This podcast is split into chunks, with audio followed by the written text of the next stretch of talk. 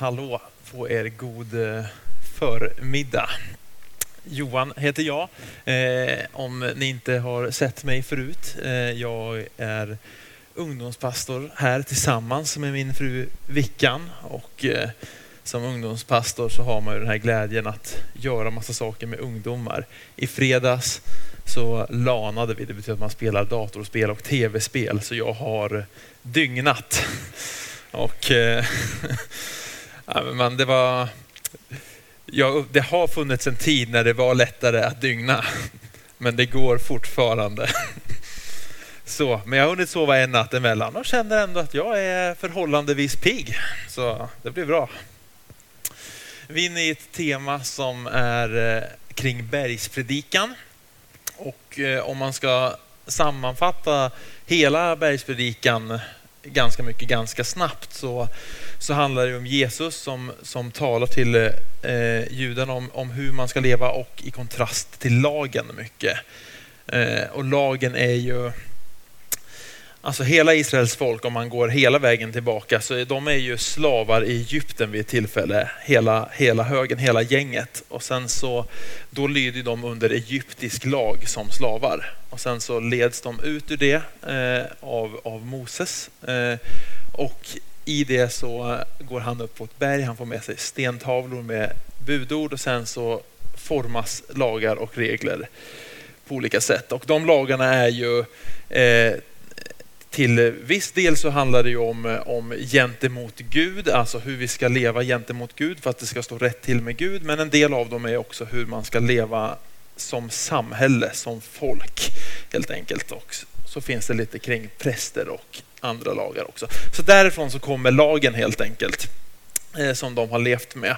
Eh, och den lagen får man väl säga är en slags eh, jag vet inte vad som är rätt ord, men kompromiss kanske mellan en, ja vad kan det ha varit då, bronsålder kanske? Bronsålderskultur i Mellanöstern och Guds vilja. Och någonstans så möts de, de två helt enkelt. Så att vissa delar av de här lagarna påminner ju om andra lagar från kulturer runt omkring. Men man kan se att de är tagna ett snäpp mot eh, mot hur Gud vill att vi ska leva helt enkelt. Och sen så kommer Jesus och så har vi bergspredikan. Och så förtydligar han en del av de här grejerna. Så säger han till exempel att ni har hört att man ska inte begå äktenskapsbrott. Och sen så säger han, men jag säger det, du ska inte ens titta på en kvinna med åtrå.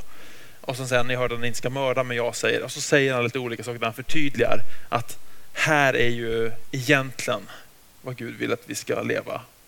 Och här är den här kompromissen ni har fått som ni klarar av att hålla. Kan man säga, ungefär så.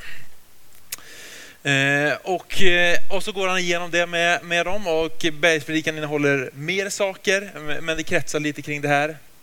Och eh, avslutas med att folk är lite förskräckta helt enkelt. För de inser ju att det här är ju striktare och inte någonting som vi kanske klarar av. Eh, lite senare förklarar Jesus i en annan, eh, ett annat sammanhang med en annan där folk också lämnas förskräckta. Där han säger att det är svårare för en rik man att komma in i himmelriket än för en kamel att komma igenom ett nålsöga. Och då blir folk också förskräckta till stor del för att rika sågs som att de var välsignade av Gud. Och om den som då är välsignad av Gud inte har kapacitet att ta sig in i himlen, hur ska det gå för resten av oss? Det är ju helt hopplöst. Och så säger Jesus och bekräftar det att ja, ingen kan det mänskligt sett. Men för Gud är allting möjligt. Och det är ju det vi tror på att, att Gud har ju en vilja för vårt liv. Ingen människa är perfekt, ingen människa kan leva upp till den. Men Gud har gjort det möjligt. Ibland så eh, sammanfattar vi med, med Paulus ord här, där han säger att vi är frälsta av nåd genom tro. Och den frasen ska jag prata lite om.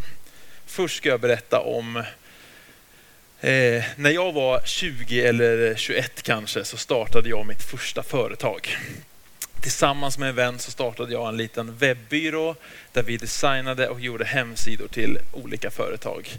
Och eh, som nystartat företag så måste man ju från, ingenstans så måste man ju börja få in kunder till det här. Eh, och eh, planen för oss var att vi gick med i någon sån här hemsida där folk skickade in offertförfrågningar. Och så någon säger att jag vill ha en sån här hemsida och sen så får tio företag lämna ett pris till dem. Och vår strategi var helt enkelt att vi lämnar ett jättelågt pris. Eh, och så säger vi det här är superrabatterat så att vi bara får in alla så att det bara börjar rulla. För jag hade all tid i världen men inga kunder. Och då var det okej okay med dåligt betalda jobb för att få det att börja komma igång någonstans. En dag så eh, eh har jag lämnat ett sånt pris och så ringer personen upp och säger eh, vi kör på er men jag vill, jag vill träffas och gå igenom lite vad jag ska ha för någonting. Jag säger absolut, vi kan ses här och där. Eh, och så åker jag dit, han åker dit och vi, vi träffas där. Eh, och då visar sig att den här mannen är ju då med i Hells Angels. Eh, och han sysslar med, att, eh, med sprängmedel. Eh, och han vill ha en hemsida. Eh, och han informerar om... den ska, han säger så här mycket ska den kosta. Eh, han vill betala i förskott. Och sen så informerar han om att sist så betalade han en kille i förskott som inte levererade någon hemsida. Och då åkte de dit och knäckte benen på honom. Eh, så ja, eh, på något sätt så, så, så blev det ju att jag gjorde den här hemsidan då till honom mycket noga. Han skickade texter som var horribelt skrivna och jag sa, vill du att jag skriver om dem? Svenskan är inte på topp här. Han blev mycket glad och tacksam. Eh, en dag rullade han in Eh, vanligtvis kom han på motorcykel, eh, en dag kom han med bil. Eh, och eh, gipsat ben för han hade citat, någon hade pepprat han i benet. Ja, jag vet inte om han då har blivit skjuten i benet eller hur, hur läget är. Ja, inte, mm, inte ett drömscenario till kund eh, för en 21-årig Johan. Eh, han, hade, eh, han, han ville ofta eh, utan att jag skickade någon faktura så satte han ibland in pengar. Eh, och då kände man så här, man vill inte hamna i ett läge där han slash de känner att nu är jag på något sätt, eh, nu har de betalt och jag är skyldig dem någon form av tjänst på något sätt. Eh, jag insåg att det här är ju, jag måste ju liksom kapa det här på något sätt så snabbt, så snabbt det går eh, och, och ta mig ur det. Och det, det kommer automatiskt, det är därför det pågick lite för att jag och Vickan skulle ändå flytta till Los Angeles. Så jag visste att det tar ändå slut där, så jag behöver liksom inte det är bara att säga vi flyttar, det blir inget mer. Ja, då erbjöd han såklart att de har ju containrar som vi vill plocka hem bilar så kan han ordna med finanserna för det. Jag avböjde och eh, sen, sen var det över. Eh, varför jag berättar det här är utifrån den här känslan av att eh, de ger någonting, eh, alltså pengar. Han försökte ibland erbjuda andra saker, cyklar, datorer. Han sa de har allt, sa han. Det tror jag säkert, men jag var inte intresserad av det. Men det är att jag vill ju inte stå i någon form av outskriven eller osagd skuld till dem på något sätt. Det känns som fel människor att göra det till. Eh, men man känner ju också att om någon eh, ur det sammanhanget kommer och ger en massa gåvor och saker känns som att det finns en förväntan på någon form av, ja, man vet inte riktigt vad som gäller där helt enkelt. Eh, och till Bibeln. I Rom så hade de ett system i samhället av det man kallar för patroner. Eh, som var människor som helt enkelt var mycket mäktiga och mycket inflytelserika. Och det kunde hända att en sån kom till dig och eh, gav dig en gåva. Och i det så ligger då jättemycket dolda förväntningar som eh, som eh, finns med där helt enkelt. Skillnaden mellan eh, min Hells Angels-kund och när någon i antika Rom gjorde det var att när någon i Rom gjorde det så var det någonting mycket, mycket positivt. Det var ett av få sätt man faktiskt kunde ta sig uppåt i samhället och bygga ett lite bättre liv. Det kunde betyda att någon som var väldigt, väldigt inflytelserik kommer till dig och ger dig dels en gåva, men det är också en utsträckt hand om, om, om vänskap. Det är ju någon form av affärsförbindelse som ingår i det, men det är också en relation. Man kan se som, eh, Ehm, att i ett bröllop till exempel så finns det ju, det är ju ett, man gör ju ett, ett, någonting juridiskt när man gifter sig. Man ingår ju ett avtal med en annan människa. Men det är ju inte bara det, utan det finns ju så mycket mer i det. Och på samma sätt så ligger det mycket mer i det här. Det är en, en utsträckt hand om en, en slags vänskapsrelation som kommer från den här patronen. Och Det innebär att om du till exempel är bagare och så kommer någon och så ger de dig den här gåvan och den utsträckta handen. Då har du möjlighet att, att säga ja till det och det innebar att den här personen kommer kanske säga att den andra som den samarbetar kommer nu att börja köpa sitt bröd ifrån dig istället. Du kommer få komma på lite olika platser och du kommer in i en, en annan slags mm, grupp eller familj i samhället. Så det var, mm, det var bland det bästa som kunde hända helt enkelt att få en sån förfrågan.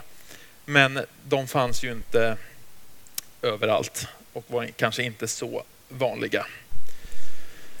Och det man svarade med, det var ju en slags lojalitet och trohet mot sin patron helt enkelt. Det innebar att man eh, förväntades tala gott om den, man förväntades eh, ja, men stå bakom den på, på olika sätt och med, med tacksamhet tillhöra dens stora grupp i samhället. Och när Paulus säger det här, att du är frälst av nåd genom tro, så använder han fraser och termer som ingår i den här dealen av patroner och, och eh, bagare eller andra klienter. Som hela det samhället känner till, som många hoppas på kanske ska hända en dag på olika sätt, att någon ska närma sig dem, komma med gåvan, komma med handen. Och det man säger att en patron kommer med charis är det grekiska ordet. Det betyder, vi brukar översätta det som nåd, det kan betyda gåva eller en utsträckt hand. Och den klienten får då eh, svara Eh, eh, med pistis, alltså med trohet, eh, lojalitet och tacksamhet. Och det är de orden som står. Det står alltså, du är frälst av charis genom pistis.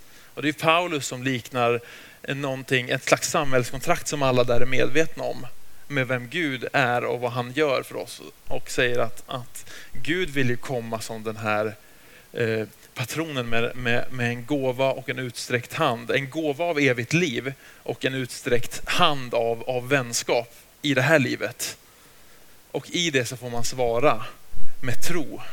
Och man får svara med att sätta sin, sin tillit till honom men också sin, sin lojalitet och sitt liv till honom. Så det finns liksom mer i den där frasen än vad vi kanske bara läser i farten. Eh,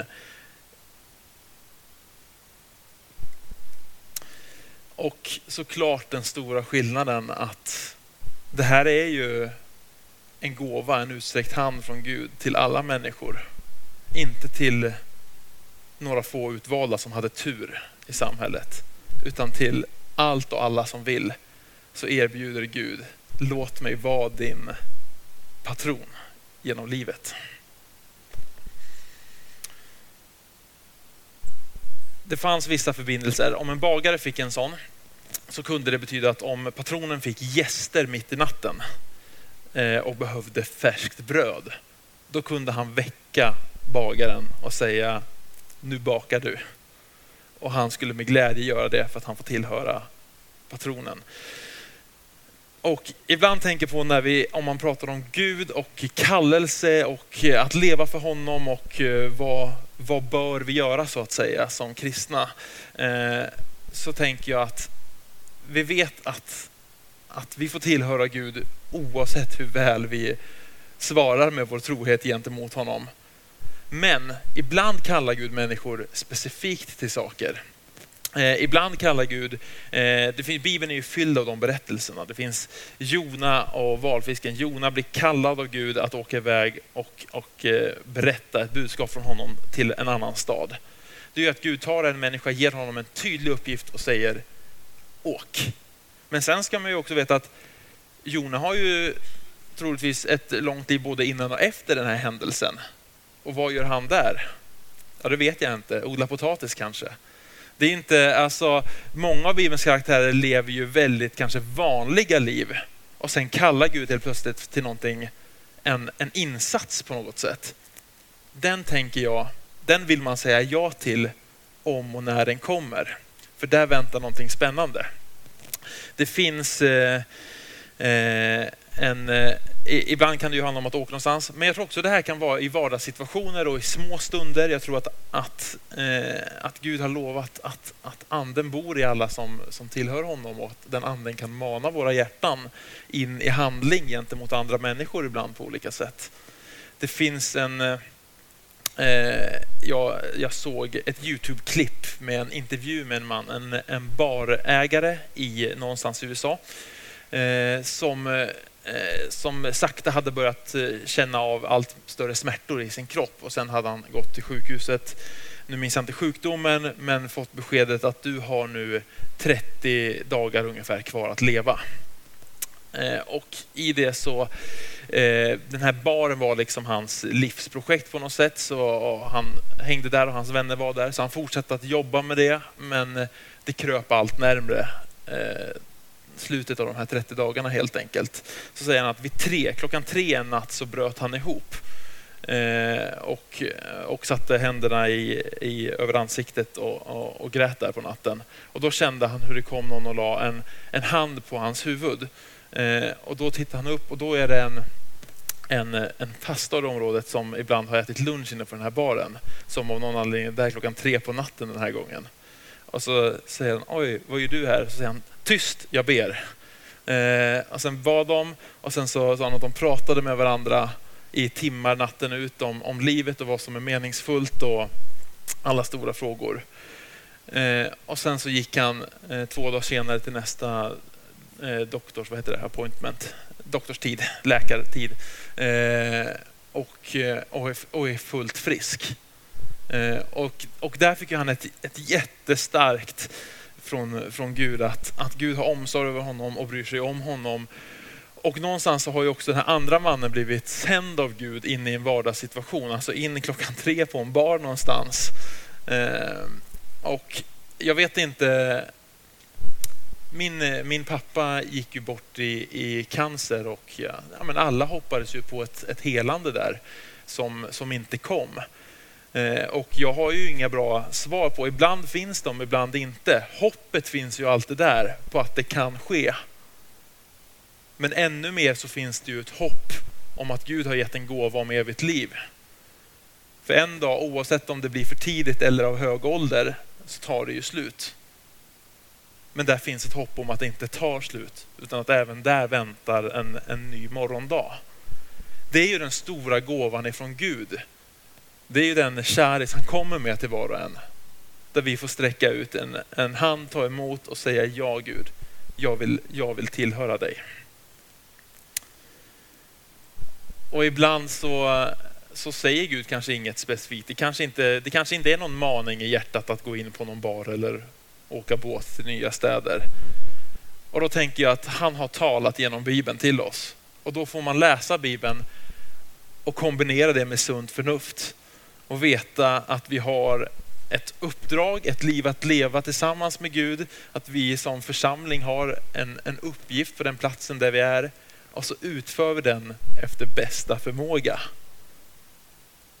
Och ibland så kommer Gud med specifika punkter och då kan det bli mycket spännande. Så ser jag på det. Så om du ska till lovsångsteamet, ni kan komma upp. Så det är väl bara en, en påminnelse idag och en uppmuntran för dig att veta att, att, att Gud vill ju vara en god sån patron i våra liv. Han har gett gåvan och handen är utsträckt. Och jag tror att jättemånga i det här rummet har kanske för länge sedan redan tagit emot den handen och sagt ja. Men det är bara en påminnelse om att du tillhör honom. Du är med i, i team Gud i den här världen. Om du aldrig har gjort det så är det det finns inte massa liksom dolda förväntningar och krav på att om du säger ja till det så måste du göra massa saker.